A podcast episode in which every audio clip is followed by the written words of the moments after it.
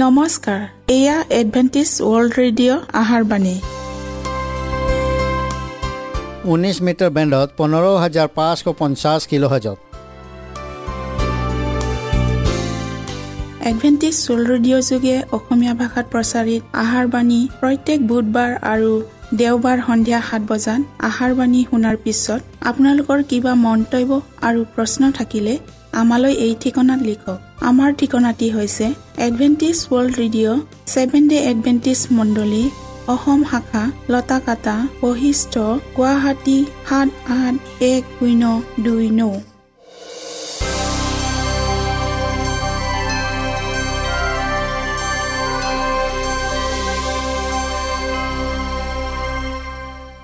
প্ৰিয় শ্ৰোতা বন্ধুসকল এতিয়া শুনো আহক এটি খ্ৰীষ্টীয় ধৰ্মীয় গীত।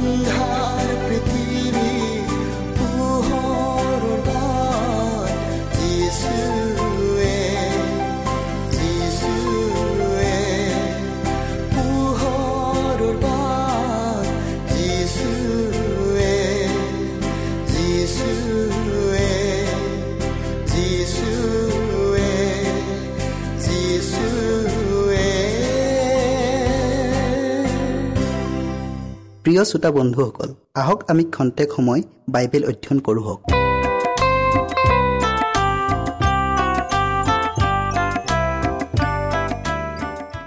প্ৰিয় শ্ৰোতাসকল আজি আমি যোৱা অনুষ্ঠানৰ বাকী অংশ অধাৰ্মিকতাৰ উৎস এই বিষয়টিলৈ অধ্যয়ন কৰোঁ হওক।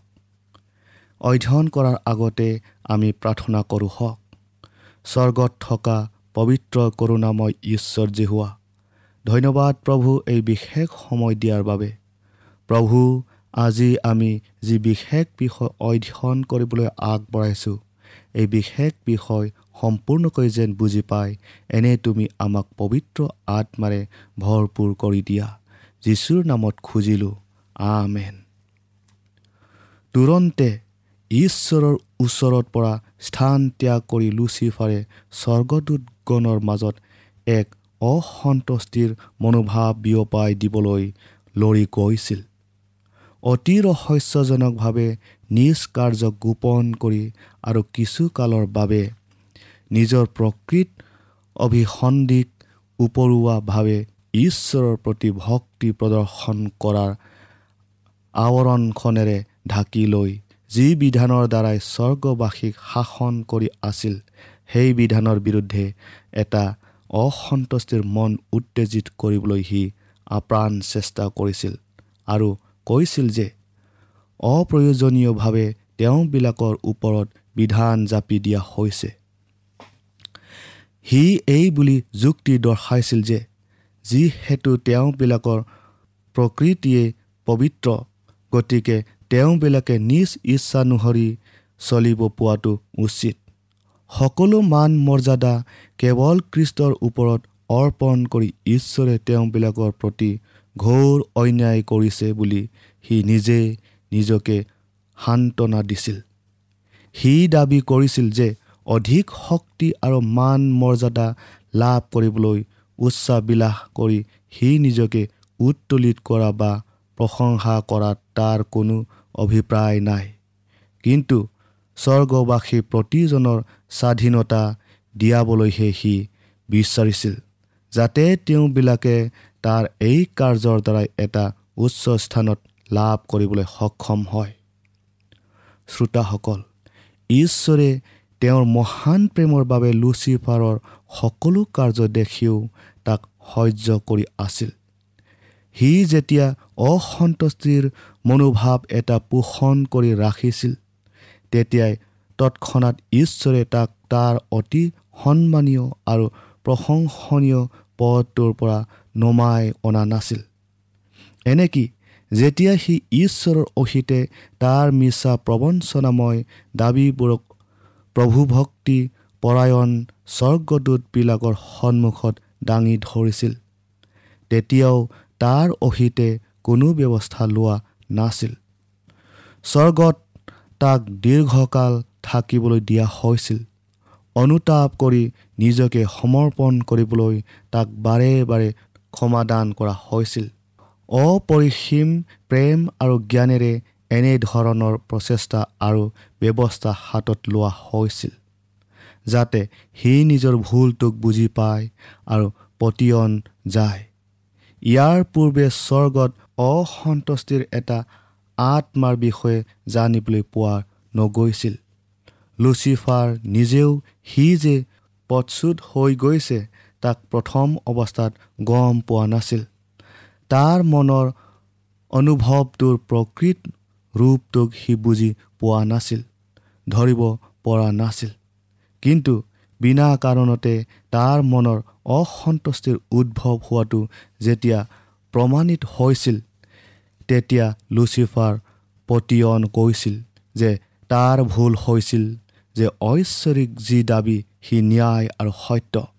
আৰু পূৰ্বতে সকলো স্বৰ্গবাসীৰ সৈতে সি সেইবোৰক মানি লৈছিল। এতিয়াও সেইবোৰক মানি লোৱাটো উচিত।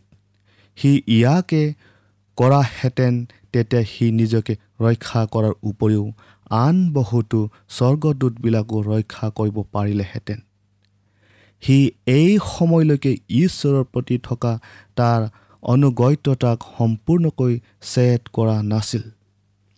ঢাকি ধৰোতা কৰোপ হিচাপে থকা নিজৰ পদটোক যদিও সি ত্যাগ কৰিছিল তথাপিও সৃষ্টিকৰ্তাজনৰ অপাৰ জ্ঞানক মানি লৈ সি যদি নিজ ইচ্ছাৰে ঈশ্বৰলৈ ঘূৰি আহিলেহেঁতেন আৰু ঈশ্বৰৰ মহান আঁচনি অনুযায়ী তাক যি পদত নিযুক্তি দিয়া হৈছিল সেই পদটো পূৰণ কৰিবলৈ সি যদি সন্তুষ্ট হ'লহেঁতেন তেন্তে নিশ্চয় তাক তাৰ নিজ পদৰ পুনৰ নিযুক্তি দিলেহেঁতেন।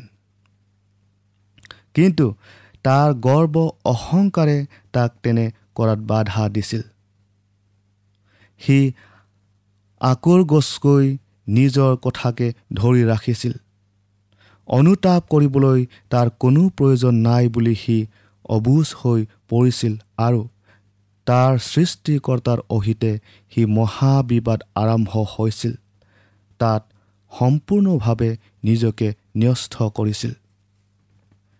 শ্ৰোতাসকল যিবিলাক স্বৰ্গটোক তাৰ অধীনত তাৰ আজ্ঞা বশৱৰ্তী হৈ আছিল সেইসকল স্বৰ্গদূতৰ মহানুভূতি আদায় কৰিবলৈ সি এতিয়া তাৰ তীক্ষ্ণ বুদ্ধিসম্পন্ন মনৰ সৰ্বোচ্চ শক্তিক প্ৰতাৰণাৰ কাৰ্যত প্ৰয়োগ কৰিছিল। এনেকি কৃষ্টৰ সকিয়নি আৰু পৰামৰ্শও তাক তাৰ বিশ্বাসঘাতকতাপূৰ্ণ কৌশলৰ পৰা আঁতৰাই আনিব নোৱাৰিলে। যিসকল স্বৰ্গদূতৰ লগত তাৰ নিবিড় সম্পৰ্ক আছিল তেওঁবিলাকৰ আগত সি যুক্তি দাঙি ধৰিছিল যে তাক ভুলকৈ বিচাৰ কৰা হ'ল। তাৰ প্ৰতি অন্যায় কৰা হ'ল যে তাৰ যি পদ তাৰ প্ৰতি সন্মান কৰা নহ'ল আৰু তাৰ স্বাধীনতাক কৰ্ব কৰা হ'ল। কৃষ্টৰ বাক্যৰ ভুলকৈ ব্যাখ্যা কৰি সি সত্যৰ অপলাভ কৰিবলৈ আৰু মিত্ৰাবাদ প্ৰচলন কৰিবলৈ কৃতকাৰ্যতা লাভ কৰিছিল। সি অভিযোগ কৰিছিল যে ঈশ্বৰৰ পুত্ৰজনাই হেনো তাক স্বৰ্গবাসী সকলোৰে আগত হাঁহিয়াতৰ পাত্ৰ কৰিবলৈকে এনে ব্যৱস্থা লৈছে। ইয়াৰ উপৰিও সি মিছাৰ আশ্ৰয় লৈ প্ৰভু ভক্তিপৰায়ণ স্বৰ্গটোত আৰু তাৰ মাজত এটা মিছা সম্পৰ্ক গঢ়িবলৈ বিচাৰিছিল। যিবিলাক স্বৰ্গদূতক সি পুচলাই ক্ষতিগ্ৰস্ত কৰিব নোৱাৰিলে আৰু সম্পূৰ্ণকৈ নিজৰ পক্ষত আনিবলৈ সক্ষম নহ'ল তেওঁবিলাকৰ সন্মুখত সমগ্ৰ স্বৰ্গবাসীৰ হিতৰ কাৰণে কৰা বুলি নানা ধৰণৰ অভিযোগ উত্থাপন কৰিছিল। সি স্বয়ং নিজে যিটো কাম কৰি আছিল সেইটো কাম আছিল যিসকল স্বৰ্গদূতে ঈশ্বৰৰ প্ৰতি সত্যপৰায়ণ হৈ থাকিল। তেওঁবিলাকক সি অনেক কথাৰে দোষাৰোপ কৰিছিল।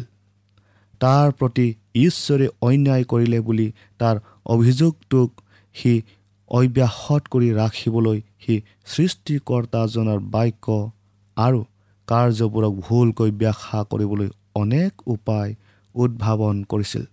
ঈশ্বৰৰ উদ্দেশ্যবোৰৰ সম্বন্ধত অতি চতুৰ যুক্তি প্ৰদৰ্শন কৰি স্বৰ্গদূতগণৰ মনত বিবুদ্ধি সৃষ্টি কৰাটোৱেই আছিল তাৰ মহান নীতি।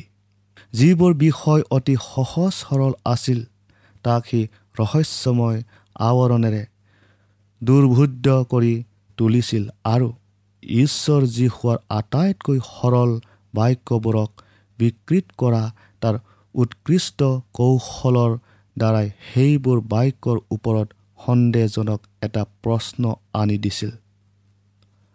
ঐশ্বৰিক প্ৰশাসনৰ সৈতে অতি উচ্চৰ সম্বন্ধ থকা তাৰ উচ্চ পদটোৱে তাক তাৰ প্ৰতিনিধিত্ব অধিক ক্ষমতা দিছিল আৰু স্বৰ্গৰ কৰ্তৃত্বৰ বিৰুদ্ধে জাগি উঠা বিদ্ৰোহ তাৰ সৈতে চামিল হ'বলৈ অনেকে প্ৰভাৱান্বিত হৈছিল।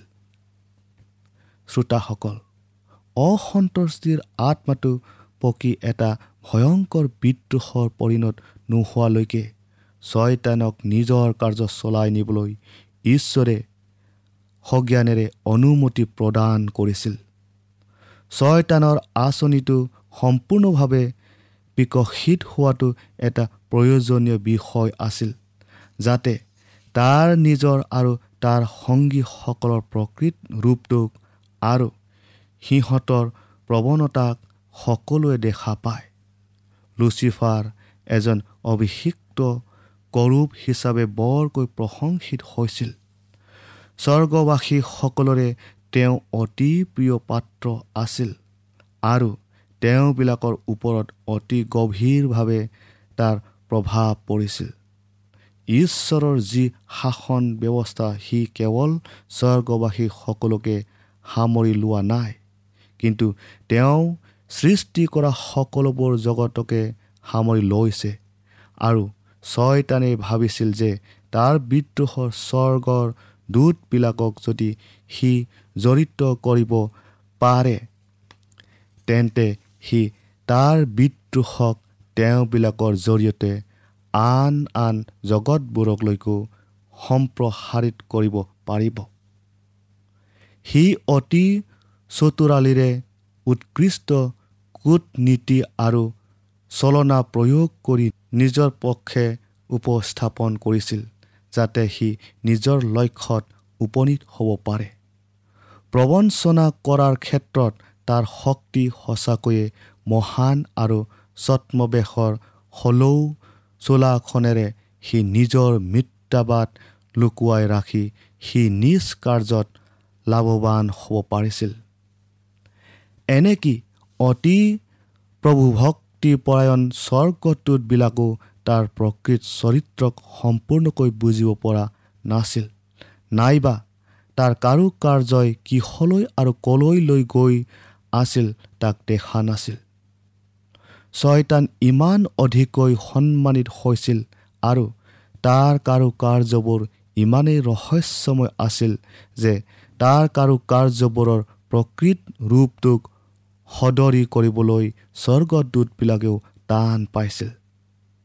সম্পূৰ্ণকৈ বিকশিত নোহোৱালৈকে পাপ যে কি জঘন্য বস্তু সেয়া ওলাই পৰা নাছিল।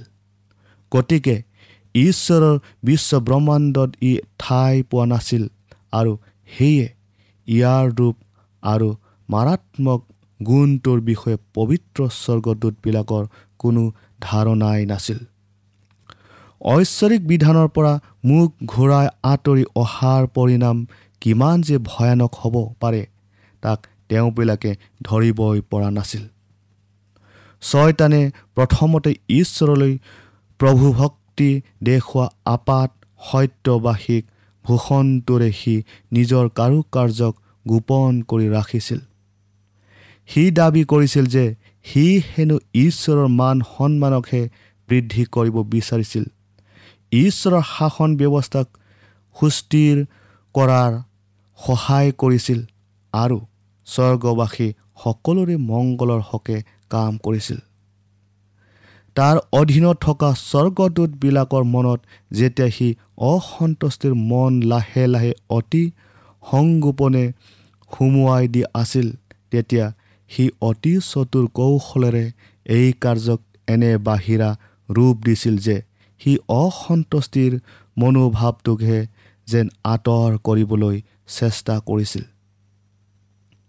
যেতিয়া ঈশ্বৰৰ শাসন প্ৰণালীৰ বিধান আৰু নিয়ম নীতিবোৰক সলনি কৰাটো উচিত বুলি সি যুক্তি আগবঢ়াইছিল তেতিয়া সি এনে ভাও দেখুৱাইছিল যে স্বৰ্গৰ সমন্বয় আৰু সংহতি ৰক্ষা কৰিবলৈহে যেন এনেবোৰ কাৰ্য কৰিবলৈ প্ৰয়োজন হৈছিল। শ্ৰোতাসকল পাপৰ সৈতে তাৰ সম্বন্ধ এনেকুৱা হৈ গৈছিল যে ধাৰ্মিকতা আৰু সত্যতা ৰক্ষা নকৰিলে ঈশ্বৰৰ আন উপায় নাছিল। ঈশ্বৰে যিটোক প্ৰয়োগ কৰিব নোৱাৰে ছয়তানে তাক প্ৰয়োগ কৰিব পাৰিছিল। তোষামোদ আৰু চলনা আৰু প্ৰবঞ্চনা ইত্যাদিবোৰ হৈছে সি প্ৰয়োগ কৰা প্ৰধান অস্ত্ৰ। স্বৰ্গদূতগণৰ আগত সি ঈশ্বৰৰ বাক্যক মিছা বুলি দেখুৱাবলৈ বিচাৰিছিল আৰু তেওঁৰ প্ৰশাসনৰ আঁচনিক ভুলকৈ ব্যাখ্যা কৰি দেখুৱাইছিল আৰু দাবী কৰিছিল যে স্বৰ্গৰ বাসিন্দাসকলৰ ওপৰত তেওঁৰ বিধান আৰু নিয়ম নীতিবোৰ জাপি দি ঈশ্বৰে ন্যায় কাৰ্য কৰা নাই যে তেওঁৰ সৃষ্টি প্ৰাণীৰ পৰা সমৰ্পণ আৰু বাধ্যতা বিচাৰি তেওঁ কেৱল নিজকহে প্ৰশংসিত কৰিব বিচাৰিছিল। গতিকে সকলো স্বৰ্গবাসীৰ আগত আৰু সেইদৰে সকলো জগতৰ আগত এইটো প্ৰদৰ্শন কৰাটো অতি জৰুৰী হৈছিল যে ঈশ্বৰৰ শাসন প্ৰণালী ন্যায় তেওঁৰ বিধান অতি উত্তম। ছয়তানে চলনাৰে নিজ কাৰুকাৰ্যক এনে ৰূপ দিছিল যে সি নিজে বিশ্বৰ মংগলৰ অৰ্থে কাম কৰিছে। শ্ৰোতাসকল বলপূৰ্বক সমতা হস্তগত কৰোঁতা ছয়তানৰ প্ৰকৃত চৰিত্ৰটোক আৰু তাৰ প্ৰকৃত লক্ষ্যটোক সকলোৱে বুজি পোৱাটো অতিশয় প্ৰয়োজনীয়। সি তাৰ অসৎ আৰু দুষ্টতাৰ কাৰু কাৰ্যবোৰৰ দ্বাৰাই নিজকে প্ৰকাশ কৰাৰ সময় পাবলগীয়া আছিল। প্ৰিয় শ্ৰোতাসকল আজি আমি ইয়াতে ৰাখিলোঁ। ইয়াৰ বাকী অংশ পৰৱৰ্তী অনুষ্ঠানত আপোনালোকে শুনিবলৈ পাব। আশা কৰোঁ আপোনালোকক পুনৰ লগ পাম বুলি। তেতিয়ালৈকে ঈশ্বৰে আপোনালোকক আশীৰ্বাদ কৰক।